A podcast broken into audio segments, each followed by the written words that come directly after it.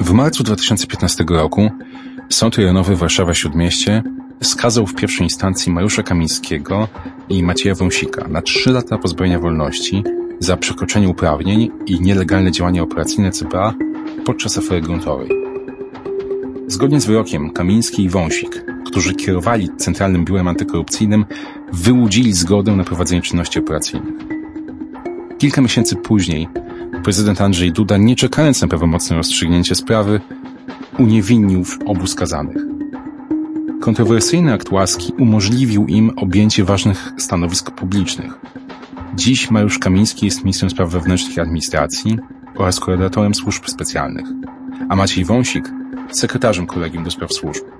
A więc mimo wszystko, mimo uzasadnionych wątpliwości, że nadużywali swoich uprawnień, wciąż stoją na czele polskich służb. Agent, pracownik służb specjalnych, funkcjonariusz. Co myślisz, kiedy słyszysz te słowa? James Bond albo Jason Bourne? Funkcjonariusz, który wykonuje obowiązki wielokrotnie przekraczając granice prawa? Odbywa zagraniczne podróże, otacza się luksusem i pięknymi kobietami? Żyje w pogardzie dla procedur? Prawda jest znacznie prostsza i bardziej prozaiczna. W Polsce pracuje ponad 120 tysięcy funkcjonariuszy. Najwięcej, bo ponad 100 tysięcy w policji i straży granicznej. Większość z nich to zwykli ludzie, z normalnym dniem pracy i obowiązkami. Jednak do opinii publicznej hasło służby dociera tylko wtedy, kiedy dzieje się coś poważnego. Funkcjonariusz przekroczył uprawnienia, rząd wykorzystuje podsłuchy do bezprawnej inwigilacji. To są tematy, które mają szansę i powinny dotrzeć do ludzi. Jednak na co dzień służby specjalne i policyjne pracują w ciszy. W Panoptykonie od 2009 roku krytykujemy brak nadzoru nad służbami. Nie sądzimy, że każdy funkcjonariusz od rana do nocy śledzi telefon sąsiada i słucha jego rozmów z żoną. Krytykujemy, bo chcemy, by ich praca była skuteczna, skuteczniejsza, by prawa każdego z nas, które funkcjonariusze mają chronić, nie cierpiały nadmiernie w związku z ich aktywnością. By policjanci nie byli wykorzystywani do politycznych rozgrywek, by funkcjonariusze mogli skupić się na ściganiu przestępców. Chcemy, by zaufanie do służb rosło, a ono nie urośnie, jeśli ludzie będą widzieli, że w Polsce służby mogą robić niemal wszystko i to bez ponoszenia odpowiedzialności. Ale sama krytyka nie wystarczy, zdaję sobie z tego sprawę. Jak zreformować służby, by poprawić sytuację? Czy da się wejść w dialog z ich pracownikami? Czego właściwie potrzebują funkcjonariusze i czego oczekują od ewentualnej reformy? Rozmawiamy dzisiaj z kimś, kto zna perspektywę pracy w służbach. To jest Panoptykon 4.0. Nazywam się Wojciech Klicki i witam Was w podcaście Panoptykon 4.0. W tym szczególnym odcinku podcastu, który jest podcastem nie tylko Panoptykonu, ale jest także podcastem, który prowadzi Artur Dubiel, mój dzisiejszy gość podcastu na celowniku. Dzień dobry, witam. Jesteśmy obaj gospodarzami, ale obaj też będziemy odpowiadali na własne pytania. Wybaczcie, drodzy słuchacze, tą nietypową formę, w której żaden z nas nie jest tym odpytującym dziennikarzem. No ale niedawno spotkaliśmy się z Arturem na konferencji, podczas której rozmawialiśmy o inwigilacji. I... Tak, zgadza się. Dzięki za potwierdzenie. I postanowiłem, czy postanowiliśmy wspólnie nagrać podcast, chyba głównie dlatego, że podczas tej konferencji pojawiła się taka myśl, pewna zgodność między nami dotycząca potrzeby zmian, być może w służbach specjalnych, ale dla mnie jest to zawsze bardzo cenne i interesujące, ponieważ obaj dochodzimy do podobnej być może diagnozy z zupełnie innych punktów widzenia bo nasz y, panoptykonowy punkt widzenia słuchacze naszego podcastu znają, no ale my zajmujemy się jako Fundacja Ochroną Praw Człowieka, prawem do prywatności i patrzymy na służby trochę z zewnątrz, trochę je nadzorując na tyle. Ale z drugiej strony, Wojtku, też jest tak, że w służbach są osoby, które doskonale sobie zdają sprawę, że istnieje pewne ryzyko przekraczania pewnych granic i mówimy o ryzyku, tak? Bo też w naszej rozmowie właśnie na konferencji no ktoś zaznaczył, że ale to nie jest tak, że na pewno służby pewnych rzeczy nie robią, że można im ufać i tak dalej. To nie chodzi kompletnie o zaufanie. Chodzi o to, abyśmy mieli prawnie wszystko tak ubrane, abyśmy mieli tą gwarancję, aby obywatel był też pewien, że nikt nigdy nie zrobi przeciwko niemu, czy nawet inaczej, nie będzie miał możliwości, tak, albo prawnych, a jeżeli nawet do czegoś dojdzie, to że nie będzie tego można jak to się mówi, zamieść pod dywan. Tak, myślę, że, ta, że tutaj dotykasz takiej różnicy, która jest moim zdaniem fundamentalna. Bo niektórzy mówią, że skoro nie złapaliśmy nikogo za rękę, na przykład na, na nielegalnym podsłuchiwaniu. No tutaj zostawiam na marginesie na sekundę e, kwestie związane z tym, czy przypadkiem jednak nie złapaliśmy w kontekście Pegasusa. No ale e, załóżmy, że e, to złapanie jest trudne, no bo, no bo ludzie, których na przykład dane telekomunikacyjne są pozyskiwane, nie są o tym informowani. To skoro nikt nie jest złapany, to nie ma problemu. Ja sobie nie wyobrażam, abyśmy zawsze informowali obywatela o tym, że jednak kolokwialnie mówiąc był podsłuchiwany, bo nieraz, y, tak jak słusznie zresztą zostało zauważone wtedy na konferencji, niekoniecznie od razu przekłada się to na jakiś materiał typowo już dowodowy, procesowy, ale jest pewna wiedza operacyjna, która przydaje się, że tak powiem, w innych przypadkach. Na pewno będą zdarzenia, kiedy naprawdę sobie nie wyobrażam, aby jednak te osoby informować. I mówię tu o najpoważniejszych rzeczach. Mówię oczywiście o zagrożeniu terroryzmem.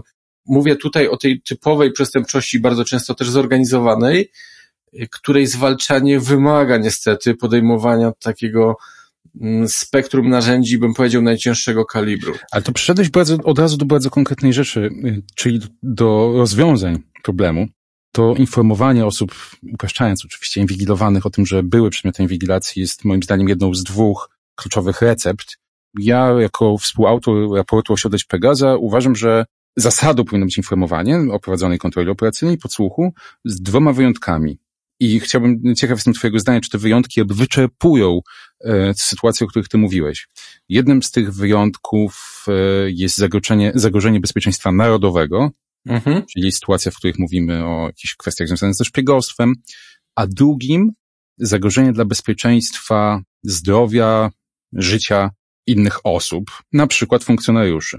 Czyli sytuacji, w której nie wiem, jest zorganizowana grupa przestępcza, jest tam ktoś, pod, e, funkcjonariusz pracuje pod przykryciem i poinformowanie kogoś o tym, że był e, przedmiotem kontroli operacyjnej mogłoby pośrednio wskazywać, czy zagrażać bezpieczeństwu takiego funkcjonariusza. Czy twoim zdaniem te dwa przypadki wyczerpują Niestety, Niestety śmiem twierdzić, tak na szybko o tym myśląc, bo rozmowa nasza w żaden sposób nie jest zreżyserowana i bym powiedział mocno spontaniczna, to wydaje mi się, że na pewno musiały być jeszcze takie kwestie. Nie potrafię może na szybko tego dobrze ubrać słowa, czy tak jakby skatalogować, ale nie wyobrażam sobie, kiedy mamy pewną wiedzę operacyjną, tak? Na temat, na przykład pewnej grupy przestępczej. Nie wchodzę tutaj już, dla mnie w tym momencie jest rzeczą wtórną jakby kaliber popełnianych przestępstw, również tych przeciwko zdrowiu życiu, czyli to, co też sam zauważasz, ale jeszcze wtedy nie wyobrażam sobie, żeby mimo wszystko takie osoby informować o tym, bo w sumie sami dajemy jakby sygnał przestępcom, słuchajcie, interesujemy się wami. I tu jest pewna trudność właśnie, jak wyważyć pewne z jednej strony prawa człowieka, no brzydko mówiąc przestępcy też są ludźmi, e, ale jak wyważyć te prawa człowieka, żeby one nie były naruszane, a z drugiej zachować skrytość działań organów ścigania, tak? O, przepraszam, że ci wejdę w słowo, ale nikt nie postuluje, nikt o zdrowych zmysłach, a za taką osobę się uważam, jak każdy szaleniec, e, żeby, żeby informować w trakcie prowadzenia czynności. No to byłby absurd. Nie, nie, nie. Tylko 12 Może... miesięcy po ich zakończeniu. Taki jest, taka jest propozycja na stole. Chodzi, chodzi mi bardziej o to, że zwłaszcza przy tych największych grupach często pewnie bywa tak, że na początku nie udaje się pewnego materiału zebrać. Niemniej dalej na tej grupie pracujemy na przykład, ale nie wobec tych samych osób. I potem w trakcie znowu naszej dalszej pracy te osoby znowu gdzieś nam się zaczynają przewijać, tak? Więc nawet ten margines czasowy mógłby się wydawać dość spory, bo dwunastomiesięczny. No jednak, kiedy porozmawiamy z osobami, które naprawdę prowadziły operacje specjalne o grubym kalibrze, że tak się wyrażę, to takie operacje trwają bardzo długo i często dłużej niż te 12 miesięcy. Więc tutaj wydaje mi się, że wymaga to naprawdę pogłębionej dyskusji, nie tyle może takiego nagrania do podcastu, które teraz robimy, które moim zdaniem jest ważne. Niemniej, mm, naprawdę zastanowienia się w szerszym gronie, zebranie osób właśnie z różnych środowisk, żeby z różnych perspektyw pewne rzeczy mm, jakby przedstawiły i wzajemnie, żebyśmy się przekonywali, przedstawili swoje racje i argumentacje i wzajemnie też się zrozumieli, tak? To, co między innymi też na konferencji mówiliśmy, że biorąc właśnie osoby z różnych jakby miejsc z różnych środowisk, no przed, w pewien sposób potrafimy, nie chodzi o to, żeby kogoś na siłę do siebie przekonać, ale żeby innemu dać zrozumieć, dlaczego tak postępujemy i dlaczego nam się tak wydaje. No, ja jestem wielkim fanem tworzenia przestrzeni do takiej rozmowy, zwłaszcza w tym obszarze, który z siłą rzeczy nie sprzyja takim rozmowom. Nie sprzyja. No bo jakby tutaj wiele rzeczy się odbywa w sposób niejawny. No w sposób niejawny i to jest ich natura, tak jakby nie, tak. nikt tutaj nie chce, żeby, żeby te rzeczy były ujawniane. Taka niejawność z kolei sprzyja no, wyolbrzymianiu pewnych problemów. No bo służby często nie mogą się tłumaczyć na przykład. Nie mogą, no bo są zobowiązane jakimś zachowaniem tajemnicy. Ale nie mogą, ale zarazem i mają e, takie pole manewru, że mogą nie chcieć, zasłaniając się tym, że nie mogą. No właśnie, w tym rzecz. W tym rzecz, że ja uważam, że jednym z problemów, jaki dzisiaj mamy w polskiej przestrzeni publicznej, jednym z bardzo wielu, i ten może nie jest najważniejszy, ale akurat o nim go dotknąłeś, to jest brak takiego dyskursu publicznego, jasnej strategii komunikacyjnej ze strony służb. Prosty przykład. Kiedyś mieliśmy, Agencja Bezpieczeństwa Wewnętrznego publikowała roczne sprawozdania ze swojej y, działalności, no a teraz od dobrych kilku lat y, zaprzestała tego, y, tego działania. A oczywiście pewnie nie wszyscy słuchacze i słuchaczki i nie wszyscy Polacy czytają i czytaliby takie raporty, ale mimo wszystko byłaby to taka informacja, czym się służba zajmuje, jakie ma priorytety, jakie ma osiągnięcia i to pozwala budować y, swojego rodzaju zaufanie. Tak jak każda przestrzeń do debaty. Słyszysz drugą osobę, znasz, jakie, znasz jej argumenty. Ja śmiem twierdzić, że w ogóle mamy w Polsce, nie od wczoraj, problem w ogóle ze strategią, bardzo często myloną zresztą z taktyką. Nie wiemy czymże tak naprawdę strategia w ogóle jest, a, a też dotknąłeś bardzo ważnej rzeczy, jaką jest kwestia strategii komunikacyjnej. Są niektóre resorty, nie tylko związane z organami e, czy służbami tymi typowo siłowymi, tak jak się je nazywa, które no sięgają po rozwiązania, umówmy się, tak, ze świata PR-u, media relations, tak, public relations i, i paru jeszcze zagadnień zbliżonych i niektóre próbują i nawet w jakiś tam sposób im to wychodzi, ale w większości przypadków niestety śmiem twierdzić, że i strategia, i strategia komunikacyjna niestety u nas, ale no nie ma się najlepiej. Ale wracając w takim razie do tej unikatowej w związku z tym przestrzeni, jaką my tutaj y, tworzymy, no, rozmawialiśmy o tym obowiązku informowania, ten postulat, który, o który pan optykon walczy, czyli to informowanie po 12 miesiącach. Rozumiem, że tutaj sugerujesz, twierdzisz, że te dwa wyjątki, o których mówimy, należałoby jeszcze przepracować i pomyśleć o tym, czy nie, da, nie należałoby tam dodać jeszcze trzeciego. Myślę, że trzeci jak trzeci. Po prostu Wojtku tak naprawdę zachęcić, nie chcę używać słowa zmusić, ale zachęcić tak naprawdę służby wszystkich właściwie interesariuszy tego tematu, do tego, że powinny tak naprawdę, no tak jak dziennikarz ma obowiązek, tak, jeżeli przedstawia pewien problem, dotrzeć do wszystkich stron i dać im się wypowiedzieć i przedstawić ich rację. I tu powinno być na podobnej zasadzie, żeby każda służba właśnie powiedziała, dlaczego tak robi i tak dalej i w ten sposób możemy, mamy szansę na, na jakieś porozumienie, no ale musi, musi być ta chęć. No dobrze, ale teraz jednak muszę twardo, bo rozmawialiśmy o tej przestrzeni do dyskusji, wszystko fajnie, ale jednak wylądujmy twardo na ziemi. Ja się zajmuję tym tematem od 10 lat, czy od 12 i bez względu na to, jakie mamy służby, kto stoi na ich czele, zawsze wszelkie postulaty dotyczące kontroli, wszelkie postulaty dotyczące na przykład stworzenia organu kontrolnego, czy wszelkie postulaty dotyczące tego informowania zderzają się z taką twardą nie możemy, bezpieczeństwo. I, i jakby ludzie się zmieniają, potem y, na przykład są w opozycji i mówią już coś innego. Naprawdę uważasz, że istnieje możliwość takiego nawiązania dialogu, takich argumentów, które nie będą oparte na tym wytrychu w postaci bezpieczeństwa, tylko będą opierały się na argumentacji? Trochę jestem idealistą, też trochę propaństwowcem i no chcę wierzyć, że jest na to szansa. Myślę, że wynika to też gdzieś trochę z ludzkiej takiej psychologii, może trochę i socjologii, gdzie nie lubimy być kontrolowani, tak? E, kto lubi dostać mandat za przejście na czerwonym świetle? Nic niby takiego wielkiego, ale jednak.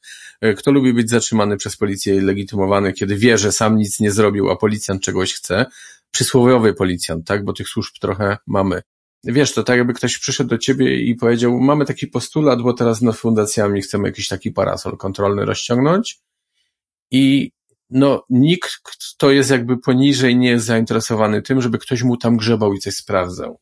Stąd mi się wydaje, że, że to wynika, więc wynika to mm, z pewnych jakby elementów związanych z jednostką jako człowiekiem.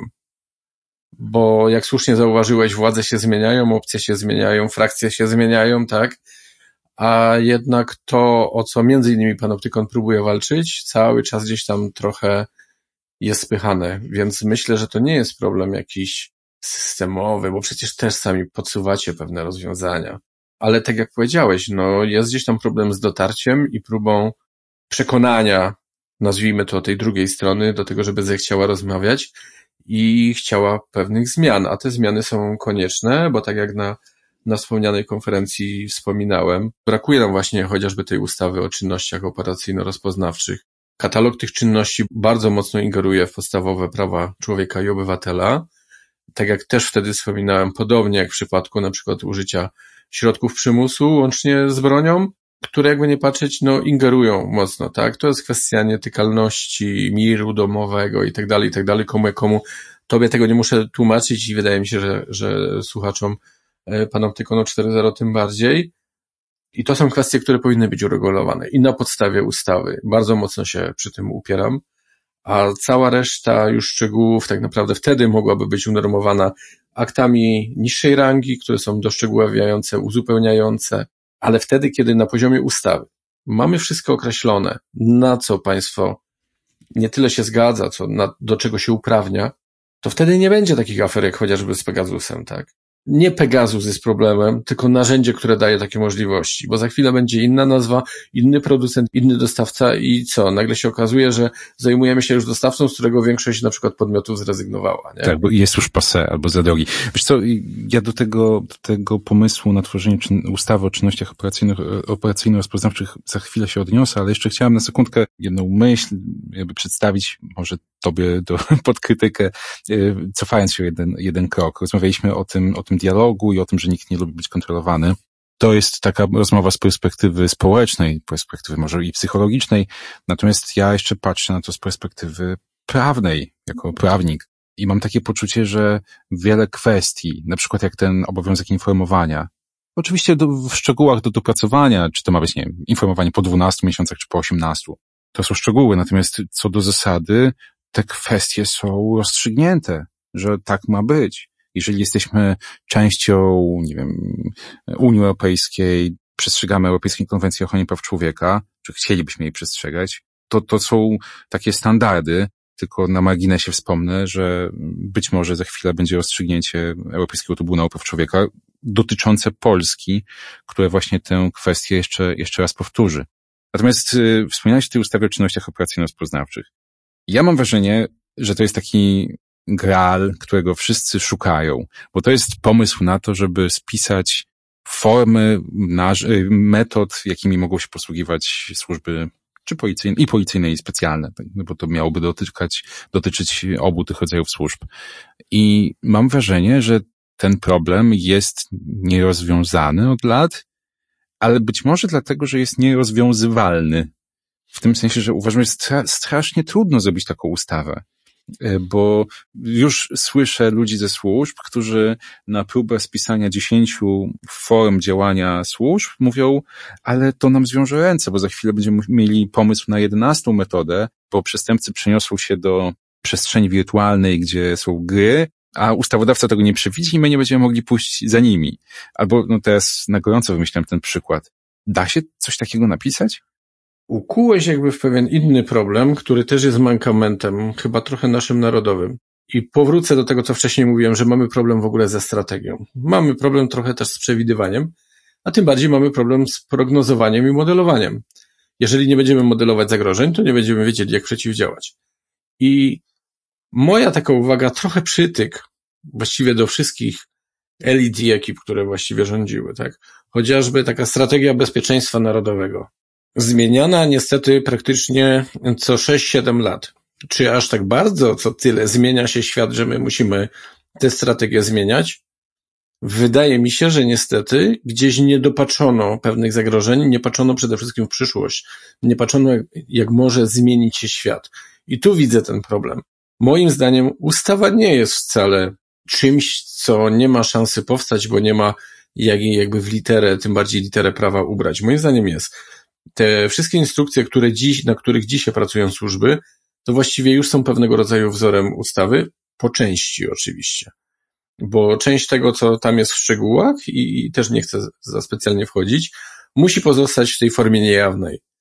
Ale to, co, że tak powiem, najgrubsze, naj, najważniejsze, mm, schematyczne takie w pewien sposób, możemy naprawdę w tą ustawę ubrać. I jeżeli my nie będziemy przewidywać, jak za chwilę ten świat się będzie zmieniał, no to znaczy, że z nami trochę jest niehalo i trzeba będzie po prostu tą ustawę co jakiś czas nowelizować. Niemniej mnie się wydaje, że jednak można przynajmniej spróbować tą ustawę stworzyć, przy czym to, co chyba zaznaczamy obaj, no tutaj wszystkim jakby przy tym stole musi na tym e, zależeć, tak? A wracając jeszcze do tego, co, co też przed chwilą powiedziałeś o tym okresie na przykład, tak, że rzuciłeś raz 12 miesięcy, raz 18, ja myślę, że też można próbować szukać innych środków rozwiązania, czyli że to obywatel składa zapytanie, że jest zaniepokojony, że coś koło niego mogło się dziać i składa do organu, ale właśnie byśmy musieli się zastanowić nad organem, bym powiedział, wielopodmiotowym w swym składzie, gdzie znajdowałyby się osoby z bardzo różnych środowisk,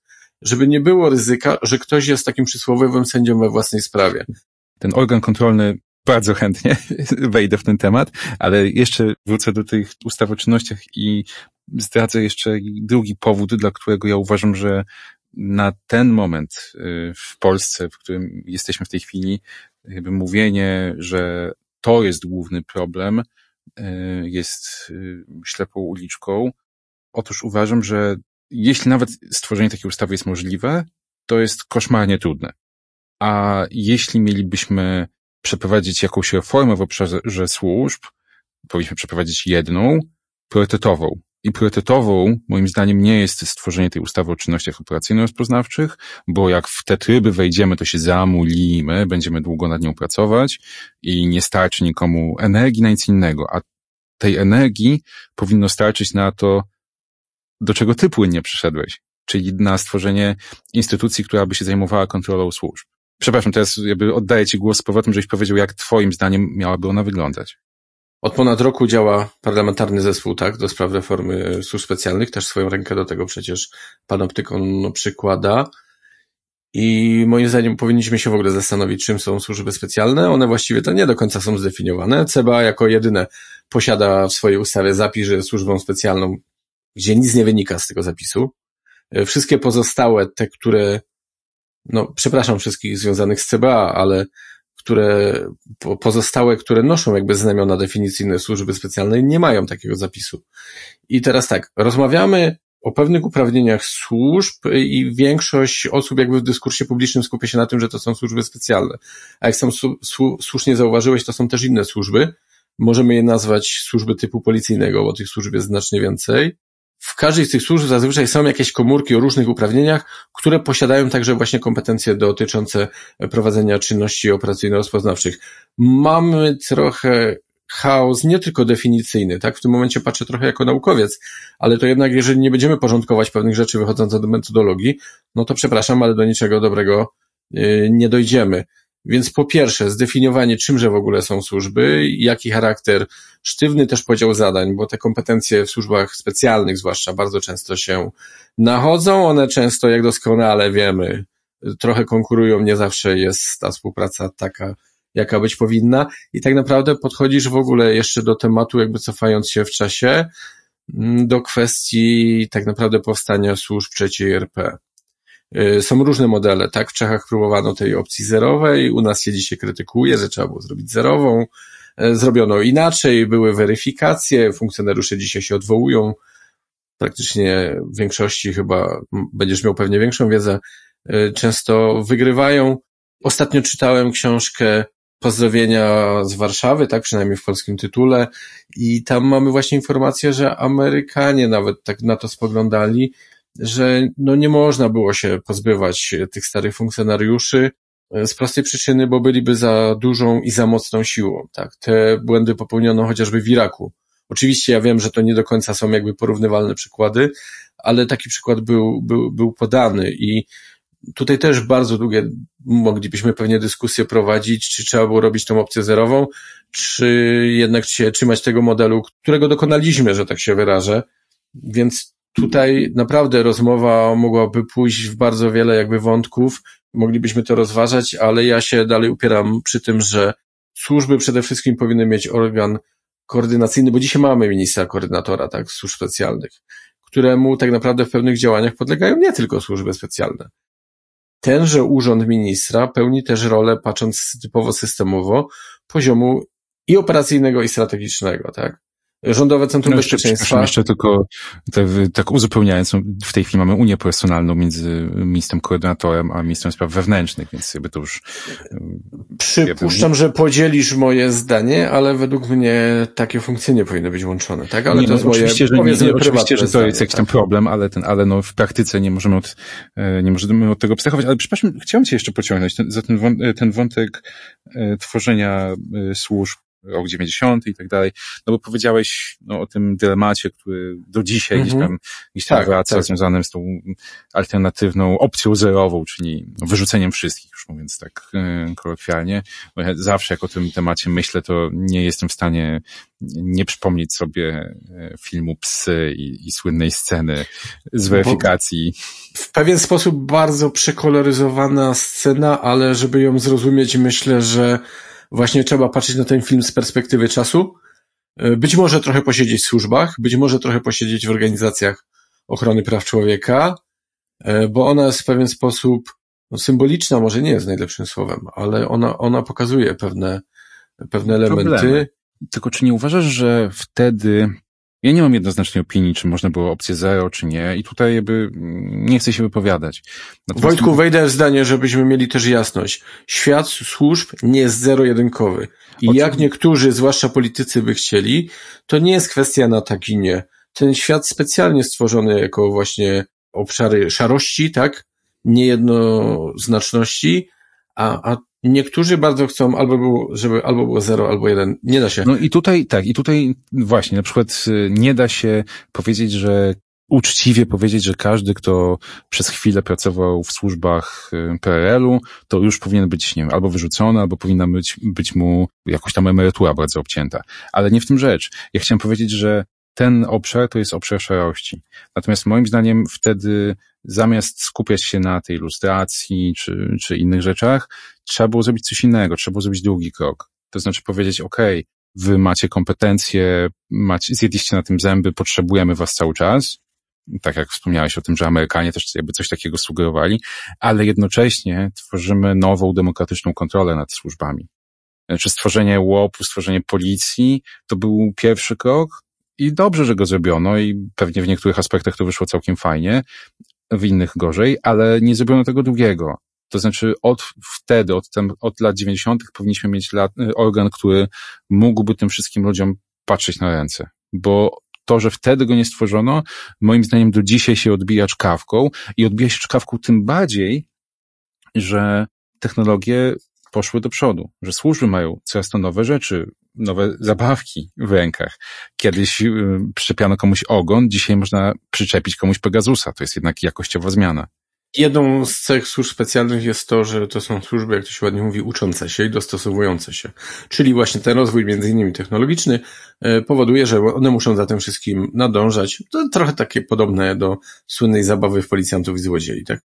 Jasne, muszą być elementy nadzoru i kontroli, przy czym trzeba też oddać to, że wielu funkcjonariuszy naprawdę mm, robi ciężką robotę i naprawdę się poświęca służbie, często kosztem życia, rodziny, życia może nie, nie dosłownie tak jako takiego, e, ale chociaż oczywiście też funkcjonariusze giną i żołnierze, ale chodzi o te życie właśnie typowo takie prywatne, płacą tą cenę też dość wysoką, ale wydaje mi się, że właśnie, i powrócę znowu do tej ustawy, tak? Tutaj może nie do końca będziemy zgodni po naszym nagraniu, ale wydaje mi się, że właśnie ustawa i te przepisy doszczegóławiające wprowadziłyby coś takiego jak pewnego rodzaju procedury na różnych poziomach, pozwalających na pewne zachowanie właśnie norm. Nie będzie jakby pola manewru, żeby mogły mieć miejsce jakieś nadużycia. Dlatego oczywiście prawem nigdy do końca wszystkiego nie uregulujemy i to wiesz najlepiej jako prawnik, tak? Czasem warto nawet uogólnić bardziej, innym razem warto uszczegółowić e, dany, dany zapis. Tutaj też pewnie byłyby takie elementy, gdzie byśmy bardziej zależałoby nam wszystkim łącznie z tym, żeby przepisy były trochę ogólne. Ale jeśli byłyby te procedury, moim zdaniem już by zdecydowanie łatwiej było, nawet wewnątrz danej organizacji, w sensie służby. Ale, a to powiedz mi jedną rzecz, bo ja czasami, kiedy zastanawiam się nad tym, e, że w tej chwili służby funkcjonują w takiej wielkiej szarości, jeżeli chodzi o te uprawnienia i szczególnie kontrolę, to znaczy, no wiemy obaj, że ta kontrola nad służbami jest w wielu punktach nie najsilniejsza, jeśli nie powiedzieć iluzoryczna, to czy stworzenie mechanizmów silnej kontroli, organu, do którego ja teraz mm, ciągle powracam, być może tego mechanizmu informowania, czy ono nie jest przypadkiem nie tylko w interesie nie wiem, praw obywatelskich, osób, które mogłyby być mm, bezpodstawnie inwigilowane, ale czy ono nie jest także w interesie funkcjonariuszy, i to przede wszystkim mam na myśli tych funkcjonariuszy niższego, średniego szczebla, którzy dzięki temu mogliby przełożonemu, który do nich przychodzi i oczekuje czegoś mm, kontrowersyjnego, powiedzieć nie, nie, panie, panie dyrektorze, szefie, nie mogę tego zrobić, no bo przyjdzie za chwilę ta kontrola i to złapie. Tutaj może trochę źle podchodzimy do zagadnienia, tak? Bo mówisz na zasadzie, my coś robimy, a w następstwie kiedyś może przyjdzie jakaś kontrola, może nie. A gdyby właśnie stworzyć pewien schemat, który by powodował, że ta instytucja, w mniejszym czy większym cudzysłowie, nadzoru i kontroli, powtarzam, bo to są dwie różne rzeczy, miałaby, że tak powiem, bieżący wgląd w pewne kwestie, to to też powoduje, że tak jak mówisz, jest zabezpieczony i ten funkcjonariusz, i jego przełożony, i coraz wyższy przełożony i tak dalej.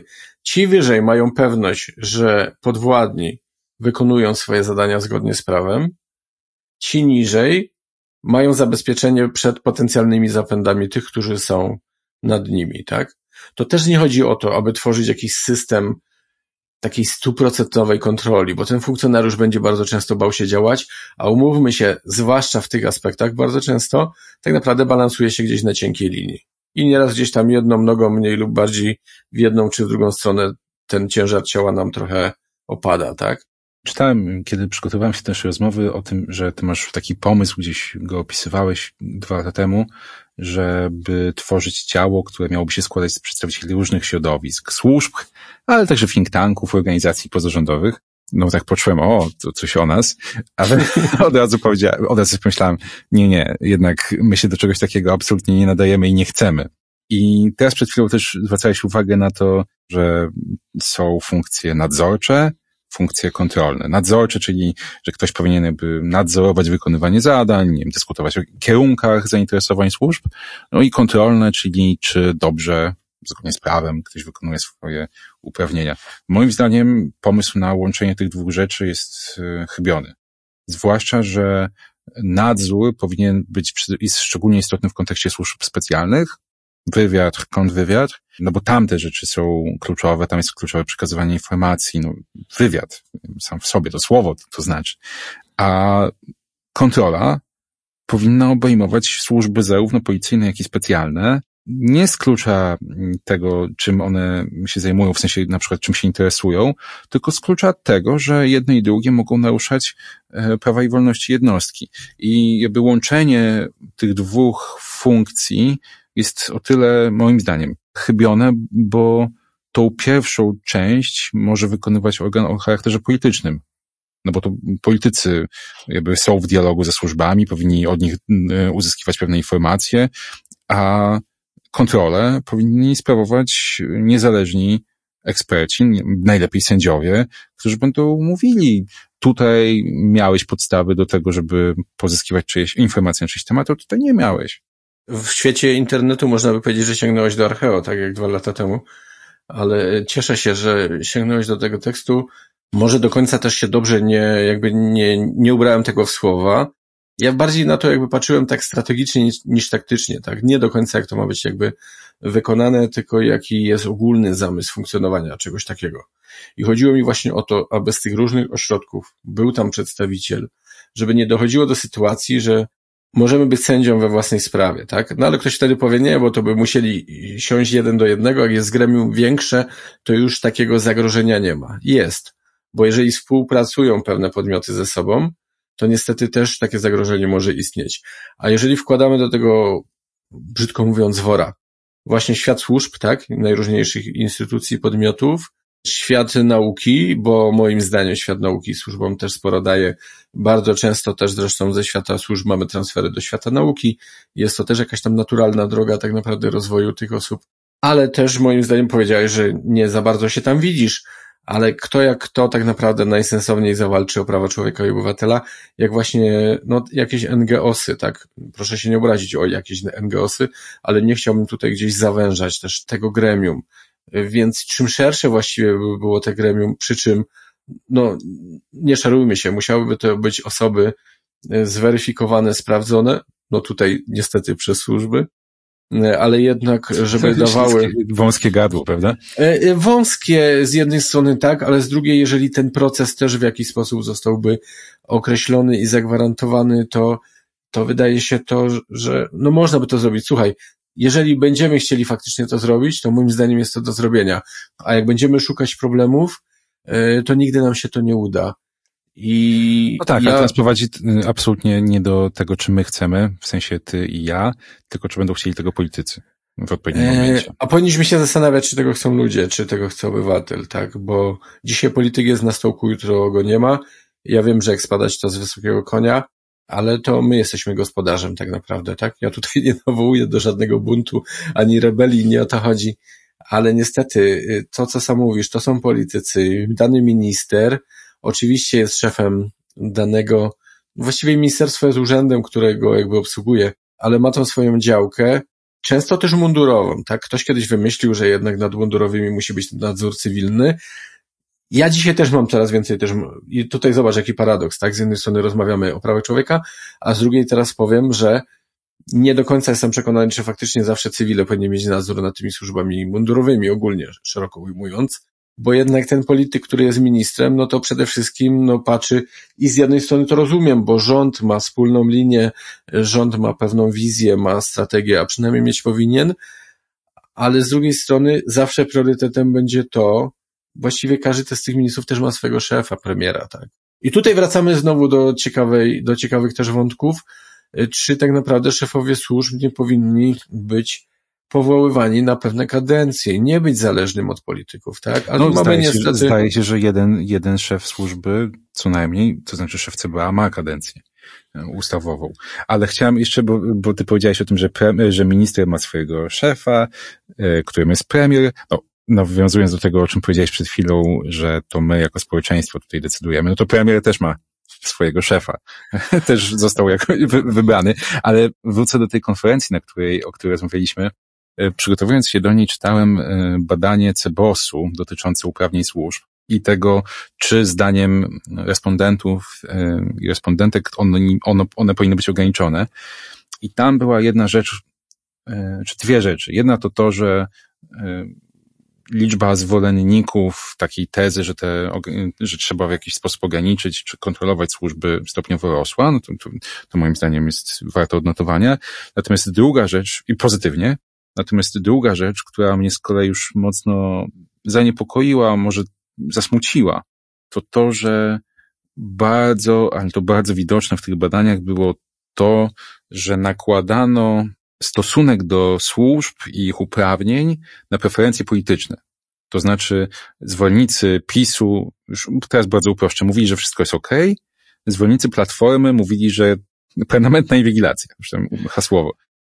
Największą krzywdę, jaką zrobiono służbom, to tak naprawdę nie chcę już powiedzieć grubo, tak, że ich upolitycznieniem, ale można się cofnąć trochę w czasie i wrócić do pewnych historii od różnych pikników, które się zaczynały i gdzie zaczynały się moim zdaniem zbyt głęboko, zbyt pogłębione relacje między szefami służb albo osobami na stanowiskach w tych służbach, a politykami. Powinniśmy bardzo mocno to rozdzielić, bo mówi się o polityczności służb. Często moim zdaniem ta polityczność też jest źle rozumiana, bo w pewien sposób zamyka się mundurowym usta, i uważajcie, co mówicie, bo może to być źle odebrane i jeszcze ktoś pomyśli, że jesteście za tymi czy za tamtymi. To nie o to chodzi tak naprawdę w polityczności, tak? No ale nie o tym, nie o tym dzisiaj rozmowa, a, ale o, o co mi chodziło? że powinniśmy te służby od polityki jak najbardziej odsunąć. One mają w pewien sposób, nawet jak te kompetencje się nachodzą, to mają jasno określone zadania. I od tego są służby. I mój kolega kiedyś fajnie powiedział. Zapytałem się go, bo tak naprawdę w swoim resorcie był właściwie zaraz pod ministrem, tak? Minister był oczywiście cywilny, on był mundurowym i się go zapytałem, czy jemu to pasuje właściwie, że można powiedzieć, że jest w pewnego rodzaju gabinecie politycznym. On mówi, dla mnie noszącego taki, a nie inny mundur nie ma większego honoru niż praca dla tego człowieka, który stoi na czele tej służby, niezależnie od tego, jak on się nazywa i jaką, z jakiej opcji politycznej się wywodzi. Tak? Ta postawa dla mnie oczywiście jest wzorowa, przy czym no, mundurowi też mają swoje umysły, pewne rzeczy widzą, pewne rzeczy u przełożonych się podobają, u niektórych nie. Oczywiście jest ta kwestia szczególnej dyscypliny i podległości, więc to też się nakłada na, na pewnego rodzaju zamykanie ust i tutaj nie dodaję żadnego, żadnych emocji do tego, czy to jest pozytywne, czy negatywne. Nie o to chodzi. Tak jest w służbach i na swój sposób być, być musi, tak? Ale dajmy służbom robić to, do czego są stworzone, a politykę trzymajmy od tego jak najdalej. I tu wracamy znowu do kwestii strategii. Politycy, ministrowie są od tego, aby określali danej służbie właśnie strategię i pilnowali, no de facto kierunków jej realizacji. Nie może być sterowania. Jasne, oczywiście pamiętam, że jedną z pierwszych zmian, które wprowadzono w 2015 czy 2016 roku, były takie zmiany prawne, które umożliwiły politykom e, uzyskiwanie dostępu do materiałów pozyskiwanych przez, e, przez wszystkie służby. No to jest jakby e, bardzo taki wyraźny przykład tego, tego problemu, o którym mówisz, takiego przenikania się. A teraz popatrz na jeszcze jedną kwestię. Funkcjonariusz, który wykonuje pewne czynności, musi mieć bardzo często dostępy do wysokich klauzul. I teraz te jego materiały, gdzie no, ta jego praca jest ciężka, ktoś z nim współpracując też podejmuje jakieś ryzyko, trafiają w ręce kogoś, kto trochę inaczej uzyskuje dostęp do tych materiałów, tak? Jak ten no człowiek tak. na dole, ten funkcjonariusz ma się czuć wtedy? To ja musiałem spełnić masę wymagań, żeby do służby się dostać, zrobić ileś tam kursów, przeczepany jestem na prawo i lewo, tak, no bo muszę się spowiadać w swoich oświadczeniach majątkowych oraz przy przy odnawianiu na przykład dostępu do informacji niejawnych, a tam jest ktoś, kto, na kim być może wiszą zarzuty, ale jest w jakiejś komisji na przykład i tak dalej, i tak dalej. Kilka przykładów z historii moglibyśmy e, wyciągnąć, ale nie chciałbym też, żeby ktoś nas tam gdzieś szufladkował e, politycznie, żeby sobie pomyślał, że, w jedną czy drugą stronę idziemy, nie o to chodzi. Mówię o ogólnym pewnym jakby procederze, no by nie powiedzieć tendencji nawet, tak, chociaż to jest może za duże słowo. Jasne. Mam takie poczucie, że wątków, które tutaj się otwierają jest y, w tym, chociażby w tym ostatnim, w twojej ostatniej wypowiedzi jest mnóstwo, bo bardzo chętnie bym porozmawiał dłużej o tych procesach weryfikacyjnych, o tym przenikaniu się. Rozumiem, że mamy pewną albo zgody, albo niezgody, protokół rozbieżności, jeżeli chodzi o te, o te kontrolę i Ale jakbyśmy się we wszystkim, Wojtku, zgadzali, to byśmy byli totalnie nudni. Jasne. Dokładnie. A, zmierzam do tego, że chyba już czas z, przynajmniej moim zdaniem kończyć, a jeszcze i tak chciałem cię popytać, może to w następnej rozmowie po prostu, o to na ile na przykład tą perspektywę związaną z kontrolą nad służbami powinna zmienić wojna za naszą granicą. To jest jakby temat, moim zdaniem, na osobną rozmowę, do której już wstępnie e, zapraszam chociaż jestem gospodarzem tylko jednego z podcastów, którego teraz słuchamy. Dobrze, także... zapraszamy się wzajemnie w takim razie. E, tym e, miłym akcentem chyba czas kończyć. Może tym razem Tobie oddam e, tę przyjemność. Dziękujemy Państwu za poświęcony nam czas. Mam nadzieję, że się nie nudziliście i pobudziliśmy trochę Was do pewnych refleksji. Także kłaniają się Państwu nisko. Wojciech Klicki i Artur Dubiel. Dziękujemy bardzo. Dziękujemy. Panoptykon 4.0